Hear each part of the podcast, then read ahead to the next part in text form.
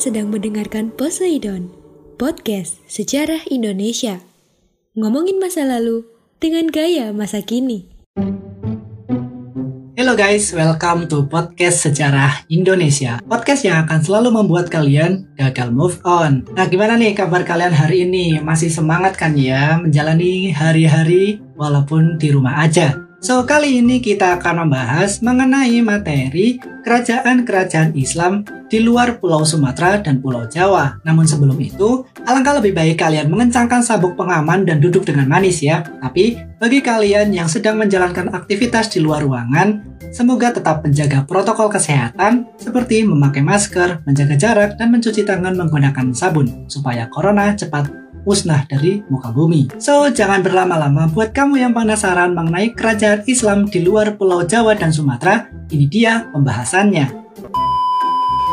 Kita mulai dari Kerajaan Banjar. Banjar di mana sih? Ya, di Kalimantan. Kerajaan Banjar atau Banjarmasin terdapat di daerah Kalimantan Selatan yang muncul sejak kerajaan-kerajaan bercorak Hindu yaitu Nagara Dipa, Daha, dan Kahuripan yang berpusat di daerah hulu Sungai Nagara di Amuntai.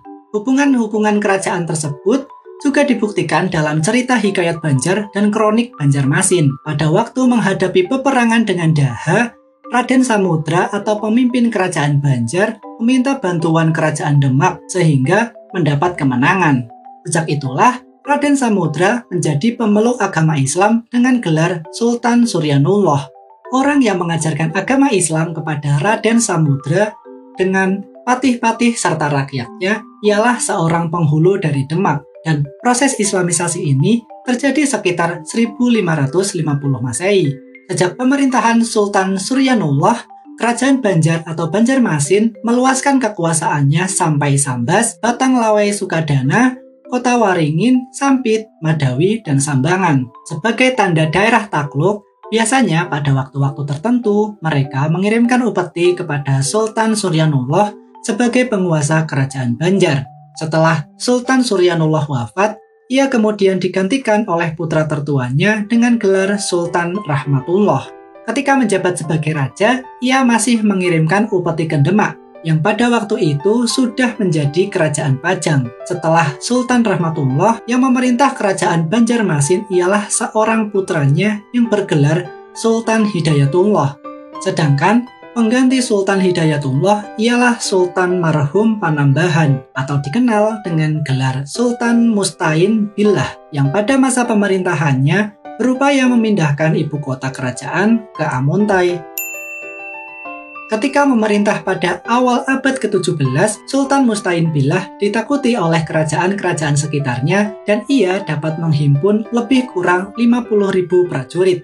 Demikian kuatnya kerajaan Banjar sehingga dapat membendung pengaruh politik dari Tuban, Arusbaya, dan Mataram. Di samping itu, mereka juga menguasai daerah-daerah kerajaan di Kalimantan Timur, Tenggara, Tengah, dan Barat. Pada abad ke-17, kerajaan Banjar ada seorang ulama besar yang bernama Muhammad Arsyad Ibn Dullah Al-Banjari, lahir di Martapura. Atas biaya kesultanan masa Sultan Tahlilallah, ia pergi belajar ke Haramain selama beberapa tahun. Sekembalinya dari Haramain, ia mengajarkan fikih atau syariah dengan kitabnya Sabil al-Muhtadin.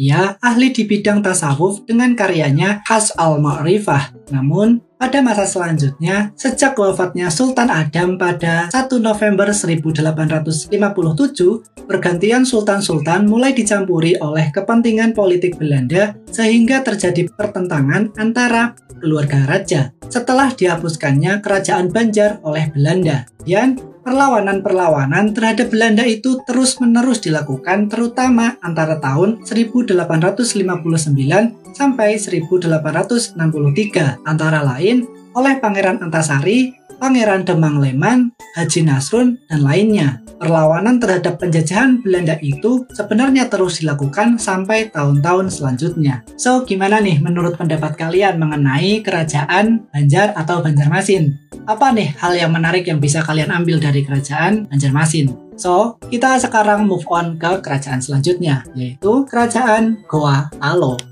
Kerajaan Goa Talo sebelum menjadi kerajaan Islam sering berperang dengan kerajaan lainnya di Sulawesi Selatan dengan Luwu, Bone, Sopeng, dan Wajo. Kerajaan Luwu yang bersekutu dengan Wajo kemudian ditaklukkan oleh kerajaan Goa Talo. Kemudian kerajaan Wajo menjadi daerah taklukan Goa menurut Hikayat Wajo. Dalam serangan terhadap kerajaan Goa Talo, Karaing Goa meninggal dan seorang lagi terbunuh sekitar tahun 1565. Ketiga kerajaan yaitu Bone, Wajo, dan Sopeng mengadakan persatuan untuk mempertahankan kemerdekaannya yang disebut Perjanjian Telumpoko sekitar 1582. Sejak kerajaan Guatalo resmi menjadi kerajaan bercorak Islam pada tahun 1605, Guatalo meluaskan pengaruh politiknya agar kerajaan-kerajaan lainnya juga memeluk Islam dan tunduk kepada kerajaan Guatalo. Kerajaan-kerajaan yang tunduk kepada kerajaan Guatalo antara lain Wajo pada 10 Mei 1610 dan Bone pada 23 November 1611. Di sisi lain, di daerah Sulawesi Selatan, proses islamisasi makin mantap dengan adanya para mubalih yang disebut Dato Talu atau Tiga Dato, yaitu Dato Ribandang atau Abdul Makmur atau Hatib Tunggal, kemudian Dato Ripatimang atau Datu Sulaimana atau Hatib Sulung, dan Dato Ritiro atau Abdul Jawad alias Hatib Bungsu. Ketiganya bersaudara dan berasal dari Kolo Tengah, Minangkabau. Para mubalik itulah yang mengislamkan Raja Luwu yaitu Datu Lak Patiware, Daeng Parabung dengan gelar Sultan Muhammad pada 15 sampai 16 Ramadan 1013 Hijriah atau 4 sampai 5 Februari 1605 Masehi. Kemudian disusul oleh Raja Goa dan Talo, yaitu Karaeng Matowaya yang bernama I Malingkang Daeng Manyonri atau Karaeng Talo mengucapkan syahadat pada Jumat sore yaitu 9 Jumadil Awal 1014 Hijriah atau 22 September 1605 Masehi dengan gelar Sultan Abdullah. Selanjutnya, Karaeng Goa Imangarangi Daeng Manrabia mengucapkan syahadat pada Jumat 19 Rojab 1016 Hijriah atau 9 November 1607 Masehi. Perkembangan agama Islam di daerah Sulawesi Selatan mendapat tempat sebaik-baiknya, bahkan ajaran sufisme Halwatiyah dari Syekh Yusuf Al-Makassari juga tersebar di kerajaan Goa dan kerajaan lainnya pada pertengahan abad ke-17. Karena banyaknya tantangan dari kaum bangsaan Goa, maka ia meninggalkan Sulawesi Selatan dan pergi ke Banten.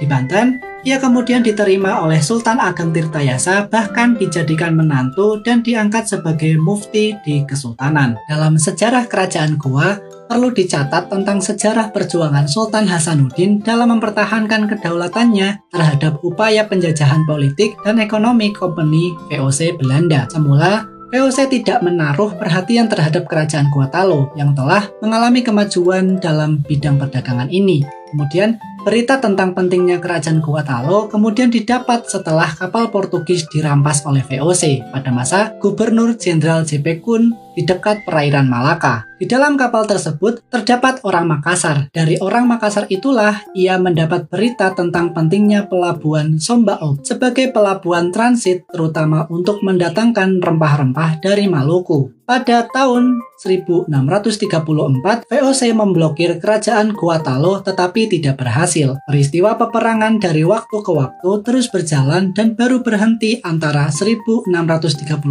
sampai 1638. Sempat tercipta perjanjian damai namun tidak kekal karena pada tahun 1638 terjadi perampokan kapal orang Bugis yang bermuatan kayu cendana dan muatannya dijual kepada orang Portugis perang di Sulawesi Selatan ini terhenti setelah terjadi perjanjian Bongaya pada 1667 yang sangat merugikan pihak Goa dan Talo. So, itu tadi penjelasan mengenai kerajaan Gua dan Talo secara singkat. Untuk lebih detail dan rincinya, kalian bisa mencari sumber dan referensi di buku-buku lain ya.